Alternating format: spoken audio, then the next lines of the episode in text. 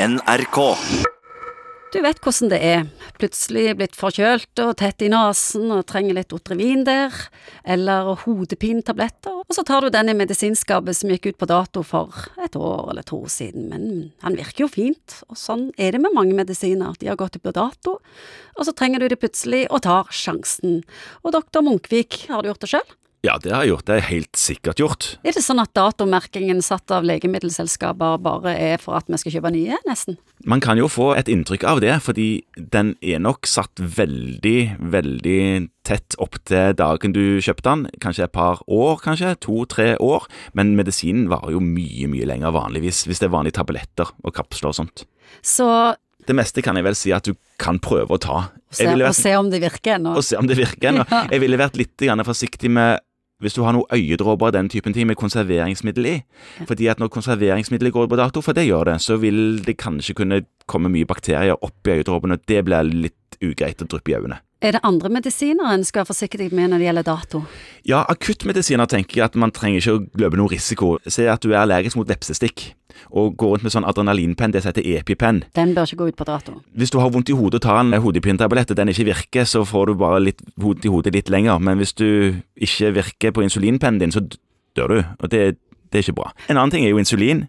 Det bør du heller ikke la gå ut på dato. Jeg tenker òg at kanskje sånn eh, nitroglyserin, så de som har angina, hjertekrampeanfall, som legger under tungen, og så går anginaanfallet vekk, det bør heller ikke gå på dato, for det blir ikke bra. Astmaspray for astmatikeren som får kraftig og farlig, potensielt sett farlig astmaanfall, de bør òg vite at medisinen funker. Antibiotika. Ja, det bør du ikke ha liggende, tenker jeg, fordi at eh, du bør til legen og finne ut om du skal ta antibiotika eller ei. Men noen har jo eksempel er jo mye plaga med urinveisinfeksjon, og da kan det være du allerede har en avtale med legen din om at du har antibiotika liggende. Men du bør egentlig ikke ha det liggende, det bør du ha liggende på apotek, sånn at når du trenger det, så er resepten klar, og så går du og henter det. Kan du si noe om kremer og salver? Kremer og salver er ofte helt greit å bruke, helt til de ser ut som om de er gamle. At det skiller seg, og at det ser knudrete ut, og ikke har den konsistensen som kremen eller salven hadde da den var ny.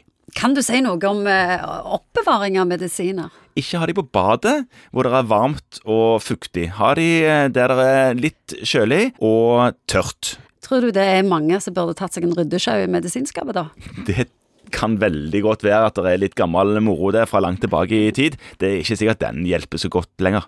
Hva tenker du om eh, at vi kaster 600 tonn medisiner hvert år, og halvparten går rett i søpla eller ut i do eller vasken? Nei, det er problematisk. Man burde kaste det på apoteket når man skal kaste medisiner. Og hvis folk er opptatt av miljøet, så, kan, Ja, så ja, det er iallfall vesentlig. vil si det, men det er nå én ting at man kaster mye, men tenk på alle de verdiene som går tapt. Jeg lurer på, jeg, jeg leste en gang, nå husker jeg ikke helt tallet, men om det var jeg tror det er 600 millioner dollar eller noe sånt som det, i året som sykehus kaster av medisinverdi. Helt sinnssykt. Ta summen med en klype salt, men det er helt sånn Donald Duck-sum, altså. Så du konkluderer med? Prøv gjerne gamle medisiner hvis du har de, men ikke, Ikke med livstruende sykdommer? ikke akuttmedisiner. Nei. NRK.